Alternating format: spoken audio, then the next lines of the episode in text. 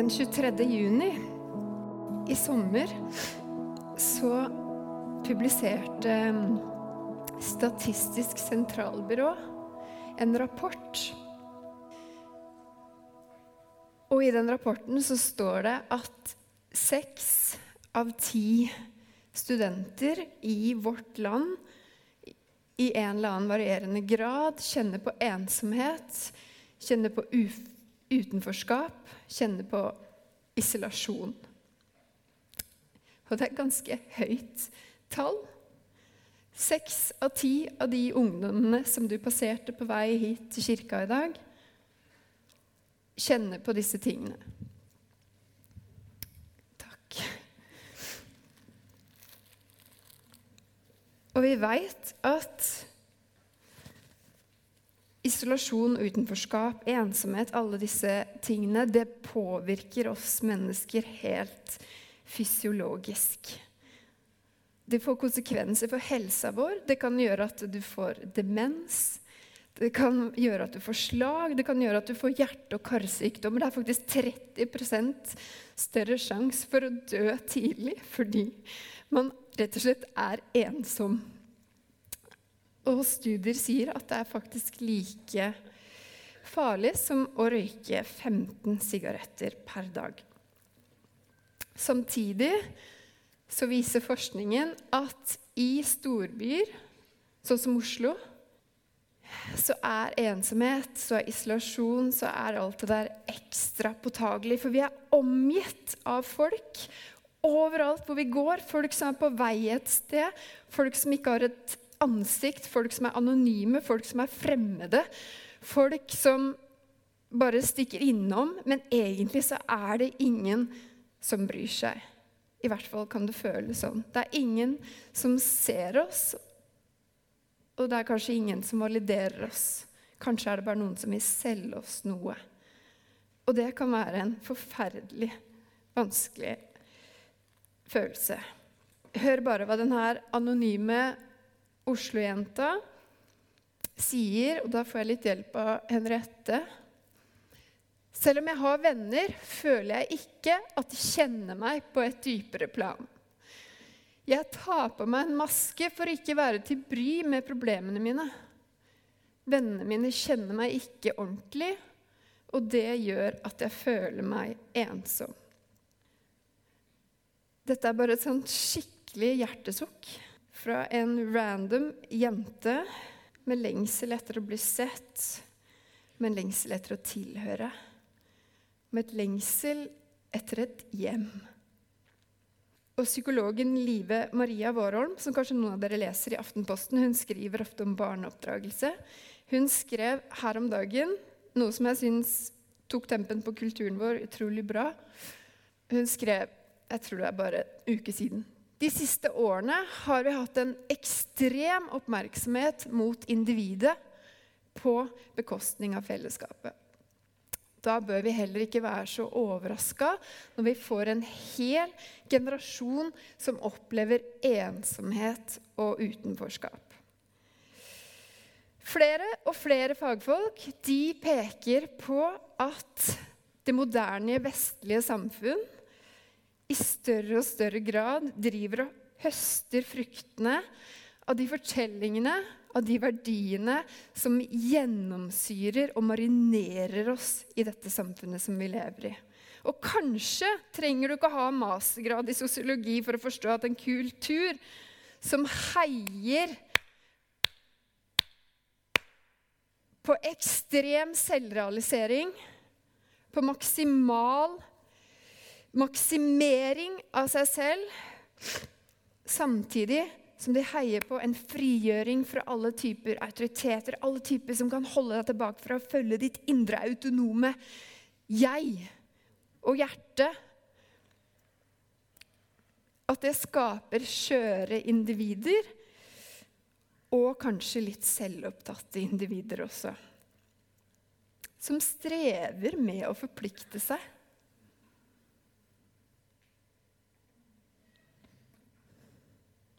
Og kanskje er det ikke så rart at fellesskapene i vår tid At de går litt mer opp i liminga enn på lenge, og at maybe attending-knappen på Facebook går sin seiersgang.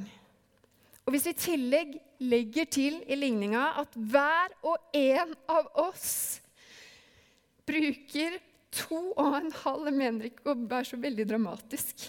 Bruker to og en halv time, Henriette, på sosiale medier hver dag, så er cocktailen komplett. Kanskje. Og ensomhetsministeren Ensomhetsministeren i Storbritannia hun har sagt det at 'loneliness is the sad reality of modern life'. Kanskje har du plukka opp et eller annet fra mor Teresa, for hun sa det sånn 'Loneliness is the leprosy of the modern world'. Ensomhet er den nye spedalskheten i vår moderne verden. Jeg vet ikke om du husker det avissitatet fra denne anonyme jenta som vi leste innledningsvis. I den samme artikkelen, da ja, Nå kom, kom det opp allerede. Så ber journalisten en norsk organisasjon som jobber for å hjelpe ungdom med psykisk helse, om råd. Du har allerede sett rådet. Det er lov å grine. Og ja, det får de. Husk nok søvn, en jevn måltidsrytme og frisk luft. Og alkohol hjelper jo også mot en god del sosiale hemninger. Jeg tuller ikke. Real story. Saksa fra nettet. Fint at vi kan få visdom når vi trenger det som mest. Heldigvis kan vi jo trøste oss med at det tar bare 30 minutter å skaffe seg et ligg på en eller annen app. Det kan vi jo trøste oss med. Kjære venner, velkommen til det moderne, frigjorte og opplyste Vesten. Jeg er ikke sint. Jeg er bare veldig, veldig skuffet. Helt ærlig, jeg tror det knuser Guds hjerte med nok kritikk. En historie heller. Noen av dere har hørt begynnelsen på den historien før, men ikke avslutningen, jeg lover. Er det veldig mye maskara her? Ok. I hvert fall, eh, Jeg var 14-15 år, eh, og sammen med noen av vennene mine fra den kirken som jeg kommer fra, vi var fem-seks stykker, så dro vi på en sånn kristen sommerfestival. Eh, og den, på den festivalen så var det møter som ligna litt på det vi hadde her. Det var lovsang, du kjente liksom at det var noe i lufta som vi kanskje ikke klarte helt å sette fingeren på akkurat da. Eh, ville kan, kanskje kalt det Guds nærvær i dag. Jeg hadde troa mi, men det som altså skjer der, i dette trykkokeren av Guds nærvær, at folk sitter og gråter i midtgangen, og folk blir liksom møtt da, av den levende Gud, er at jeg også får et møte med levende Gud. Eh, klarer ikke å stå oppreist, havner på bakken, blir liggende der. Er, du har sett Tom og Jerry når Jerry stikker fingeren inn i stikkontakten. Det, sånn, det var den følelsen jeg hadde. Og jeg bare Hva er det som skjer? Hva er det som skjer? Hva er det her for noe? Hva er det rabla for meg? Det var altså en sånn eksistensiell, heftig opplevelse jeg har ikke ord for det. Det var en sånn blanding av glede, eufori og kraft. Og kanskje jeg overdriver litt. Nei, jeg gjør egentlig ikke det. Som skylte gjennom kroppen min. Det var som om verden gikk fra sort-hvite farger. Det var som at verden var endimensjonal, og plutselig så blei den tredimensjonal. Og jeg bare Gud, du fins! Og det var mitt første møte, eller min første gang som jeg ble fylt med Den hellige ånd. Det høres kanskje litt crazy ut, og hvis du er her for første gang, bear over with me. Vi kan bli venner etterpå. Jeg er ikke så rar ut som jeg hører ut. Men det skjedde noe større den kvelden. For jeg reiste ikke aleine til denne festivalen. Det skjedde noe vakrere. noe som var større enn min egen personlige reise med Gud. Og det var at vi fikk et møte med en levende Gud. Altså meg og mine venner, som jeg fram til da bare hadde reist på speiderturer med og grilla marshmallows og tøysa og tulla med, liksom. Og det var jo kjempebra, det, altså. Men plutselig så kom det en ny dimensjon inn i viet også. Skjønner dere? Det var som at det utvida seg. At hjertene våre utvida seg. Ok, ok, jeg blir kanskje litt feminin i uttrykksmåten min, men jeg er jo en gang feminin. Hjertet mitt utvida seg, og det samme skjedde med mine venner, som også ble fylt av Den hellige ånd på veldig forskjellig måte fra meg, men det skjedde. Og fra den sommeren av så opplevde jeg og disse fire, fem, seks vennene mine at vi hadde fått en helt ny nærhet. At det var kommet en ny dimensjon inn i relasjonen vår. Jeg har lyst til å bruke ordet intimitet, men det blir veldig kleint. Men det var liksom akkurat som vi opplevde en ny type intimitet emosjonelt da, oss imellom. For det var denne erfaringen av kraft og et reelt møte med en Gud som på en måte blir kanalisert. Vi tok dette møtet med Gud, og så kanaliserte vi det inn i et fellesskap. Og ja, det var ikke perfekt, og det kommer jeg tilbake til. Men vi begynte å møtes ukentlig for å be, for å lovsynge, for å bekjenne synd, for å være bånn ærlig med livet, for å tørre å være sårbare, for å spise sammen og for å oppmuntre hverandre. Og for meg så var, det Det var det jeg lengta etter. Lengta etter et møte med en levende Gud. Og lengta etter å komme nær andre mennesker. Jeg veit ikke åssen det er med deg, men jeg er i hvert fall skapt i Guds bilde. Så da lengta jeg etter, lengta etter det. Jeg må jo berolige deg som er redd for at vi slutta for å dra på speidertur og gå på fjelltur og sånn. Det gjorde vi selvfølgelig ikke. Men vi var merka for livet. Og vi var forandra. Og det var ikke sånn at alt var gjort sånn. Absolutt ikke i det hele tatt, men noe var skjedd. Og plutselig så var vi ikke bare venner. Plutselig så var vi brødre og søstre. Plutselig så var vi adoptert inn i Guds familie med én felles far. Plutselig så var det en enhet i hjertene som ikke hadde vært der før. Og i dag så kjenner jeg at jeg er så takknemlig. Det var jo bare flaks eller kanskje det var Guds godhet. Eller jeg, jeg er så takknemlig for at jeg fikk oppleve det. I mine mest sårbare tenåringsår. At vi ga oss til hverandre i Jesus-etterfølgelse og i kjærlighet gjennom hele ungdomstida. Tim Keller han sier at det å bli kjent med Jesus, det sender oss ikke bare dypere inn i hjertet til Gud. Det sender oss også dypere inn i hjertet til våre brødre og søstre i Kristus.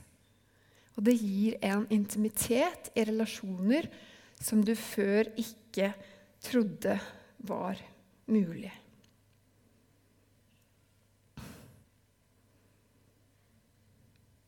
Kanskje du er en av de som tenker at dette hørtes litt vel rosenrødt ut? Hold den tanken.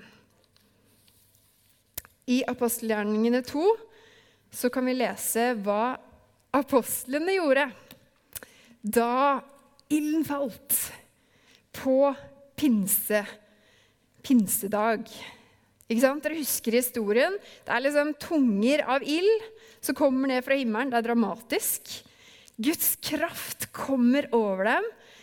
Og så begynner de å tale nye tungemål. Kanskje det var litt sånn som for meg. at det bare, Hva var det for noe? Var det ja, At de kanskje ikke helt skjønte helt greia. Men det gjorde i hvert fall det. Og folk tror jo at de er fulle, vet du.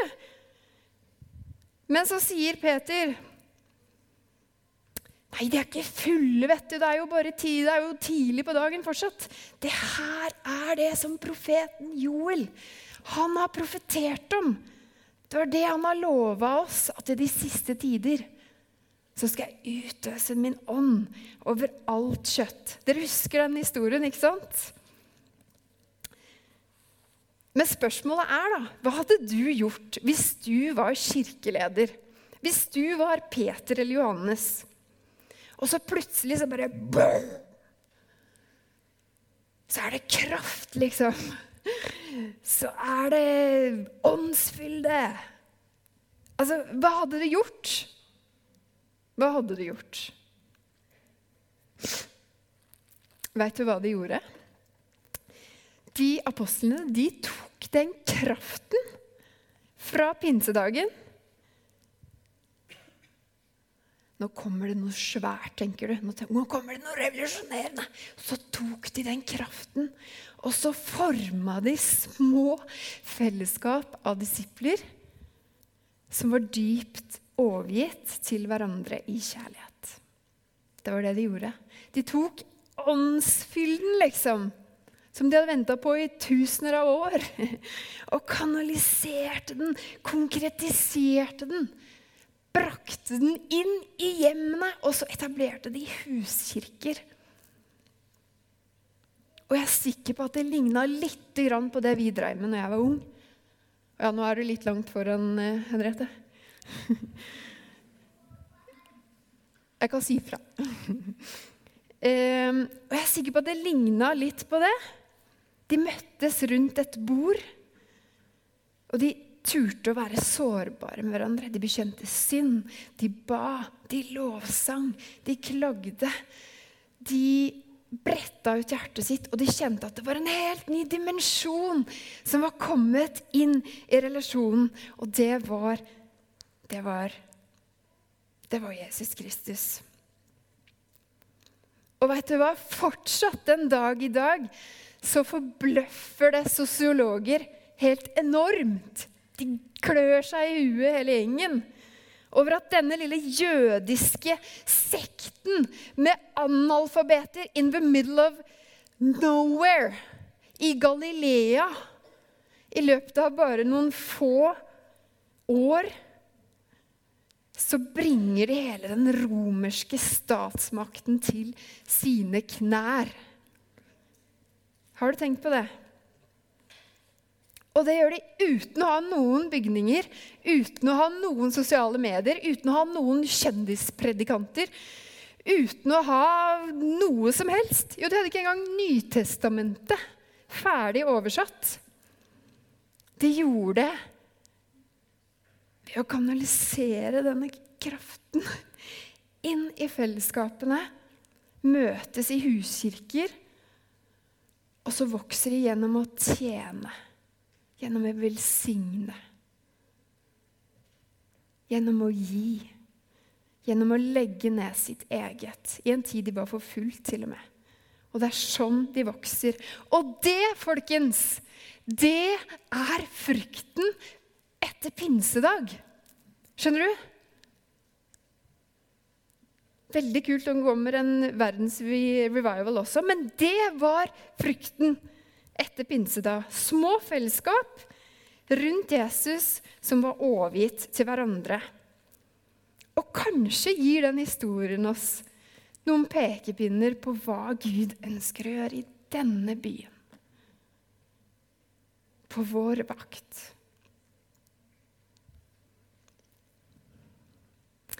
Jeg må bare få lov å presisere at i kollektivet så har vi skikkelig troa på det store fellesskapet elsker å komme sammen sånn som i dag. Og ha litt dårligere lyd, for da hører vi at alle synger. Det er fantastisk! Ikke dårlig, men jeg har ikke ord for det. Men ja. Vi elsker å kjenne at det røsker og river i hjertet, og at det sitter folk og griner i midtgangen, og at noen danser litt. Altså, At vi bare kjenner at ja, vi står sammen i det store fellesskapet og løfter opp Jesu navn midt i Oslo by. Og Jesus han var i synagoga hver søndag. Han var det. Men samtidig, og det står ikke noe motsetningsforhold, så tror vi på de små fellesskapene der vi tør å være bånn ærlige. Og der vi lærer å elske hverandre. For det er ikke så lett på en stor samling å lære å elske. Og når Gud velsigner oss med sitt nærvær og kraft på gudstjenesten, så gjør det bare livet i huskirka enda bedre. Enig? Men jeg må bare snakke om én ting til før jeg går videre.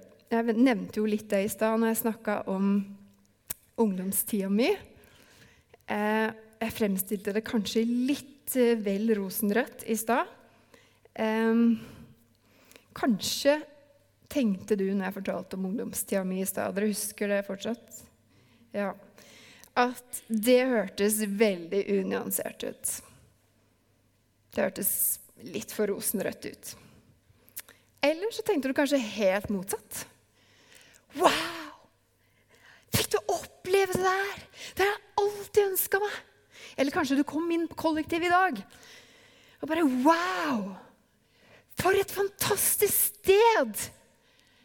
Her er det jo liksom lidenskapelig lovsang uten at den er hypa, liksom. Det er jo min drøm. Her har du jo liksom verdier som er som at vi skal inkludere hverandre og familier. Og vi skal utruste hverandre. og bare, Wow, dette er jo min drøm! For et perfekt sted. Dere ler på de rette stedene. Dette har jeg bestandig drømt om. Og apropos da, forventninger og det å ha drømmer for fellesskapet og det kristne fellesskapet nå har jeg allerede avslørt poenget her, men for et par år siden så hadde vi en liten fotoshoot her i kollektivet. Og vi har jo veldig mange flinke folk iblant oss, altså fotografer og alt det der. Noen av de beste i Norge, faktisk. Men eh, saken var at jeg da fikk jobben eh, til å være sånn art director. Dvs. Si at du på en måte har ansvaret for den visuelle visjonen. Og jeg fikk da utløp for all min perfeksjonisme Eh, på, og jeg liksom gikk all in for at det her skulle se skikkelig attraktivt ut. Dette skulle jo legges ut på sosiale medier. Jeg tenkte nå knaller vi til. Så gjør vi det liksom dritfresht. Jeg ble kanskje litt overivrig. Ja, noen sier wow, og noen, noen ler. Eh, altså, snakk om strøkent. Ja, det, det, skal jeg love deg. Det ser egentlig mest ut som eh, reklame for det lille huset på prærien. Eller for Kinfolk. Eller for Home and Cottage. I don't know. Og det er bare kritikk til meg selv, for jeg var også art director her. Altså, Her sitter de gamle og de unge, og de ler sammen. Ser dere? Se på Thomas, han sitter og nynner i tunge, liksom. Se på Bjørn, han gir et profetisk ord til Malet. Mens de spiser kortreist økologisk oksekjeks. Ingen har sølt på bordet. Er det noe mer da? Ingen er selvfølgelig morgengretne, og alle er fulle av entusiasme og kjærlighet og tålmodighet og fred og Ja. Vi fikk jo et kommunikasjonsproblem etter hvert. Nå har jeg sikkert ødelagt denne billedserien for dere for alltid. Eh, men problemet er jo altså På denne siden av evigheten så fins jo ikke et sånt perfekt fellesskap som det der. snakk om å lage falsk reklame. Men kanskje kan det hende at du kommer til å huske på et sitat da, på grunn av dette bildet. Dette er en, du skal få et veldig bra sitat. Det er en realitetsorientering for alle som ønsker å være en del av et kristent fellesskap. Og den kommer fra ingen ringere enn teologen Didrik, Didrik Bonhoeffer. Han er jo tysk, så det ble vanskelig for meg. Og han snakker om det å ha litt urealistiske forventninger til det kristne fellesskapet. Enhver menneskelig ønskedrøm som får plass i det kristne fellesskapet, står i veien for ekte fellesskap. Og må avvikles hvis genuint fellesskap skal kunne overleve. Den som elsker drømmen om et kristent fellesskap høyere enn det kristne fellesskapet selv, han ødelegger det. Uansett hvor ærlig intensjonene hans er. Og poenget Og jeg tror han har så rett. Poenget hans er at jo flere glansbildedrømmer vi har om det kristne fellesskapet, jo større blir mageplasket. Og han mener å si at jo fortere vi kommer over sjokket av at andre mennesker i fellesskapet har synd i livet sitt, at de har sår i livet sitt, at de har issues Jeg snakker til meg selv òg, da. Ikke, at de har utfordringer, at de har drama. Jo fortere vi kommer over det, kommer over det sjokket, jo bedre er det, sier Didrich. Jo fortere vi kvitter oss med urealistiske, romantiske forventninger og krav til andre, jo bedre er det. Eller så står vi i fare for å sabotere det fellesskapet som vi faktisk har. Og det går til oss som er gift også, tror jeg.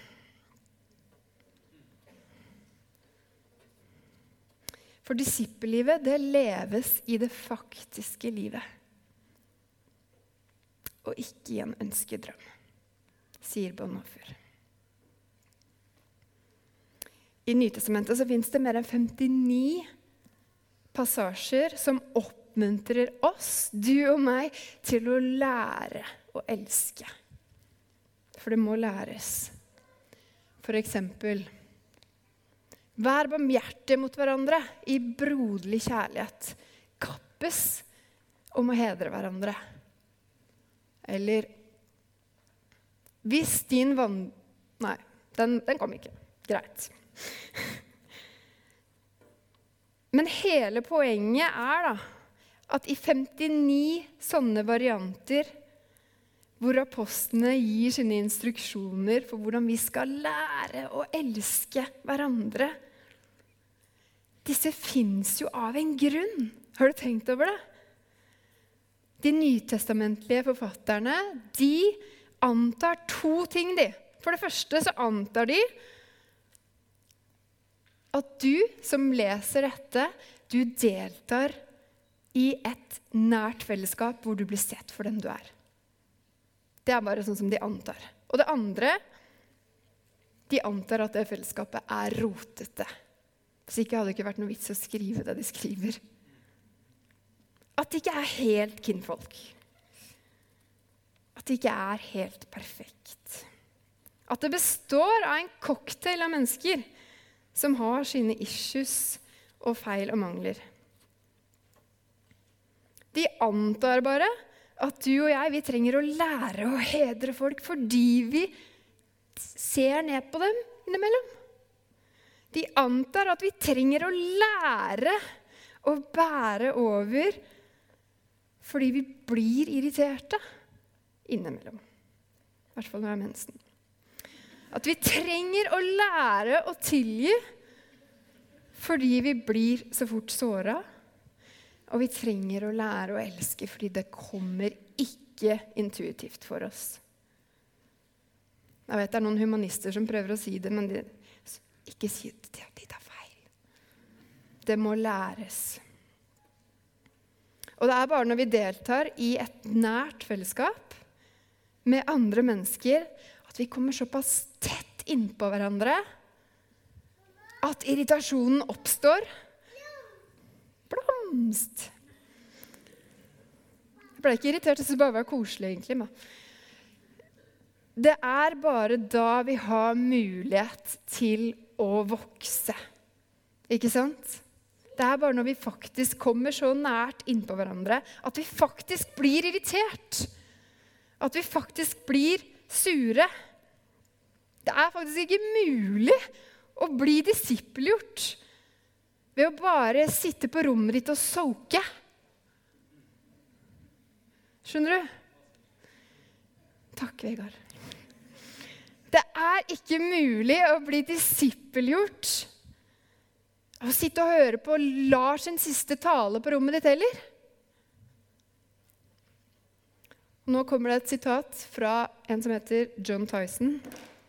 Hvis din vandring med Gud bare leder deg innover for selvrefleksjon, og ikke pusher deg utover mot folk for å vokse i kjærlighet og i ydmykhet, da er det ikke disippelskap du driver med. Da driver du med life hacks. Den var så bra at den måtte vi ta med. Og Gud selv lever i relasjon. Han er relasjon. Kjærlighet kan ikke eksistere uten relasjon. Og Gud er kjærlighet. Og kristendommens essens, det vi holder på med, det vi driver med, det er kjærlighet.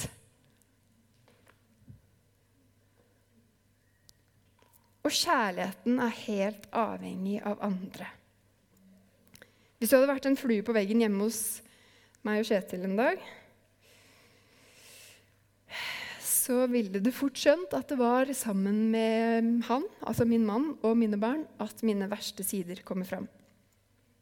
Ikke så ofte når jeg står i låssang og glory, glory, liksom. Da klarer jeg meg ganske bra, stort sett. Det er alltid i de nærmeste relasjonene at vi blir mest utfordra på å lære å elske. Ikke sant? For det er der vi er trygge. Det er der vi slipper maska. det er der vi, Ikke at jeg går ut med maske, men liksom, vi skjerper oss liksom ikke. Vi er trygge nok til å vise vårt sanne jeg uten et filter. Og jeg vet ikke hvordan det er med deg, men jeg øver meg hver dag. Jeg, jeg er underveis. Jeg omvender meg, prøver igjen. Og forrige forrige uke Dette er noe litt annet. Da, så kom jeg over en av mine gamle bønnejournaler. Har noen av dere hatt en sånn hvor du skriver ned bønner og skriver litt sånn dagbok slash bønnebok? Eh, og da kom jeg over en, en, bok som jeg skrev da jeg var nyinnflytta til Oslo som student. Tilbake til disse studentene. Og helt ærlig, det var, det var, litt vanskelig å lese det. Fordi jeg kom til Oslo med et desillusjonert, knust hjerte som 20-åring. Og så blei jeg så innmari minna på hvor hudløs jeg var akkurat på den tida. Og det var akkurat som jeg bare fikk et bitte lite glimt av Guds hjerte For alle som lengter etter å bli sett, alle som lengter etter et hjem, alle som lengter etter det uperfekte, men vakre som mange av oss er en del av. Akkurat sånn som hun anonyme jenta som vi leste i stad. Og så er det akkurat som at hjertet hans bare går ut og bare til alle de som marineres i denne greia med at du må maksimere og realisere ditt autentiske selv. Og blir du ensom, så kan du alltids ta litt alkis. Det, det hjelper jo mot hemninger. Pes, husk, jevn måltidsrytme. Alle de som marineres i de fortellingene. Og så er det akkurat som man bare Vi må! Vi må fortelle verden en annen fortelling. Vi må modellere noe helt annet. Eller vi må ikke, vi kan. Vi er kalt til å modellere noe helt annet. En helt annen fortelling om tilhørighet og en helt annen fortelling om fellesskap, en helt annen fortelling om sårbarhet. Midt i alt som ikke er perfekt. Men vi er, vi er i hvert fall på vei. Vi er underveis. Ikke sant? En annen fortelling om emosjonell nærhet. En annen fortelling om at du kan få deg et ligg på en app om 30 minutter. Nei, jeg er ikke sint. Og jeg blir så takknemlig for at jeg helt siden jeg var ung, har fått være med i det her uperfekte, men likevel utrolig vakre fellesskapet av brennende hjerter. Folkens, vi er så heldige. Og du er invitert. Du er viktig. Din plass ved bordet står tom hvis ikke du er der.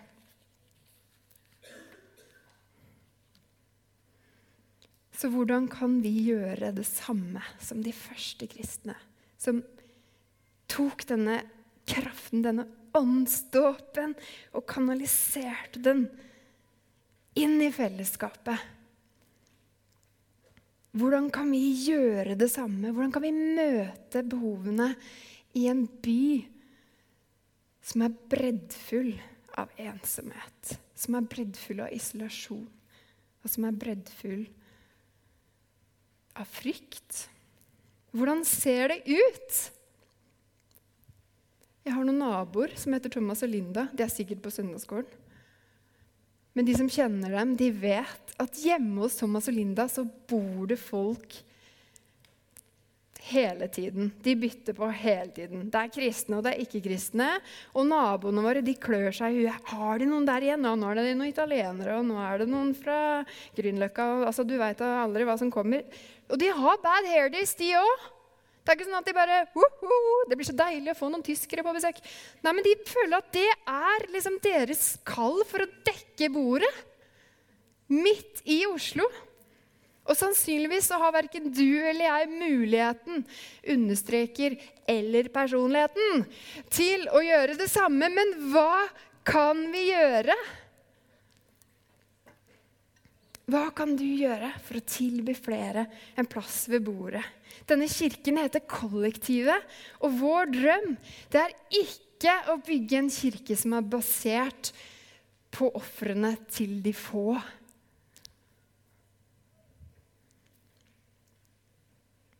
Ikke basert på hva noen få mennesker legger ned av sitt eget. Vi bygger kirka på de valgene som hele fellesskapet vårt tar om å følge Jesus og elske hans barn tilbake hjem.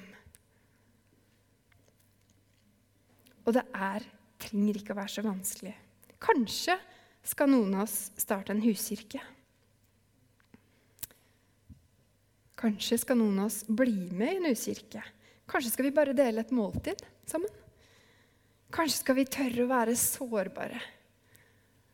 Kanskje skal vi tørre å slippe folk nær.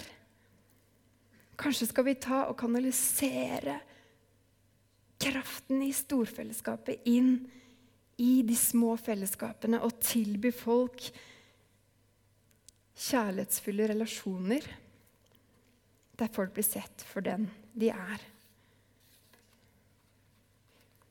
Til slutt så har jeg lyst til å minne deg som er ny i Oslo, på en ting. Robuste relasjoner, det krever tid. Og det krever intensjonelt arbeid. Det er ikke sånn at man snubler over en venn. Og det er ikke så lett å få til på storgudstjenesten. I all hovedsak så skjer ikke de relasjonene De bygges ikke rundt en scene, men de rigges eller bygges rundt et bord. Og det har jeg bare lyst til å minne deg på. Mot avslutning så har jeg også lyst til å si at Bjørn, er du her? Vi har en eh, forbeder i kirka vår som heter Bjørn. Og for to uker siden han, Det var han vi så på bildet her i stad. Han er en av de eldste iblant oss. Og han er Er du der, Bjørn? Ja, du er her!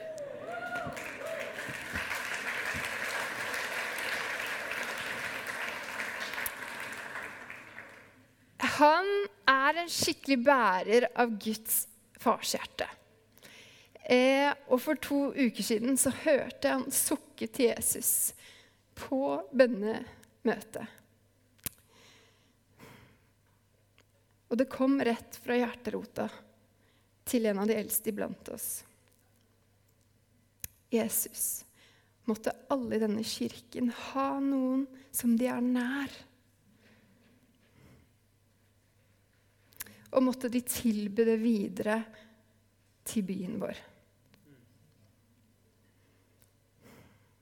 Og jeg bare kjenner så Guds hjerte i det. Måtte alle i denne kirka ha noen Måtte du tørre å slippe noen innpå deg. Og måtte du tørre å ville å invitere flere til bordet. Hvis du er en av de som har blitt skuffa eller såra av det kristne fellesskapet, så har jeg lyst til å utfordre deg til å benytte denne muligheten til å starte en prosess hvor du tilgir og blir fri. Ta den tida du trenger til å sørge. Ta den tida du trenger til å snakke med noen og prosessere. Men start prosessen med å leges. Og ikke bruk den erfaringen som en unnskyldning for å lukke deg og ikke komme nær igjen. Vi trenger deg. Vi trenger deg. Vi trenger at du er delaktig i den bevegelsen som har, som har forandra samfunn og historier før. Vi trenger deg i Oslo.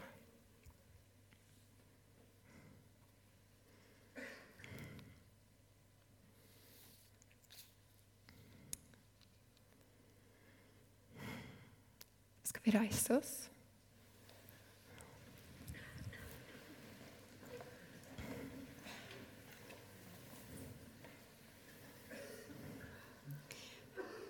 Jeg skal bare lede i en um, liten bønn. Og hvis du har lyst til å være med på noen av de bønnene, så gjør du det. Du kan rekke ut hånda hvis du vil. Legg hånda på hjertet ditt. Gjør hva du vil.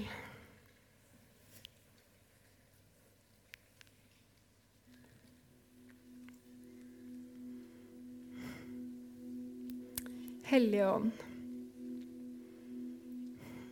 Vi, vi har hørt om pinsedag. Da de første kristne tok kraften din, og så gjorde de den om til kjærlighet i små fellesskap. Hellige Ånd, vi ber om at du faller oss faller over oss på nytt. Døp oss i kjærlighet. For du er kjærlighet, og ditt hjerte går ut til en ensom by, Herre. Gjør det på nytt, Hellige Ånd. Kom med kraft.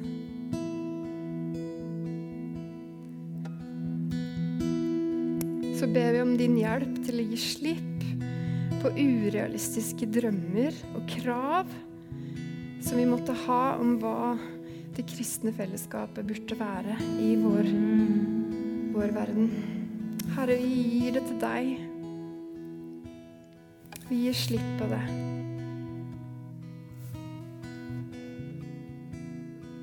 Og tilgi oss om vi har båret på bitterhet mot det kristne fellesskapet. Tilgi oss de gangene vi ikke elsker våre brødre og søstre sånn som vi er kalt til å gjøre.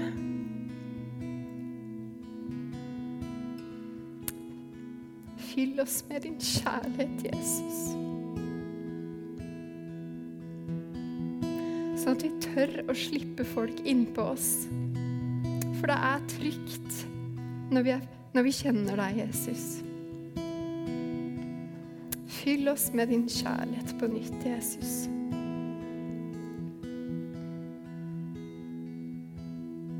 Så ber vi Jesus om at flere skal bli tiltrukket til fellesskapene våre, Jesus. Fordi det er så attraktivt. Og du er så attraktiv, Jesus. Det er ingen som deg, Jesus. Ingen i hele verden. Og din vei er så god, Herre. Din visdom er så dyp, Herre. Og du kjenner oss så godt, Herre. Gi oss av ditt hjerte, Herre. Gi oss av ditt hjerte for denne byen, Herre. Hjelp oss å dekke på til en til, Herre. Hjelp oss å åpne døra for, for en til, Jesus.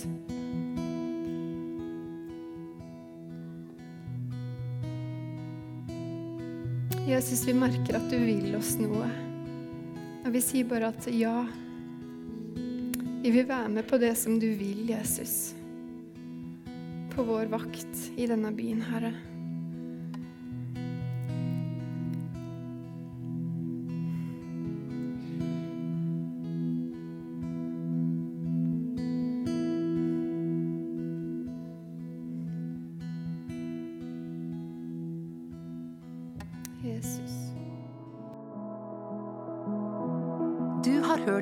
Podkast fra Imekirken Kollektivet.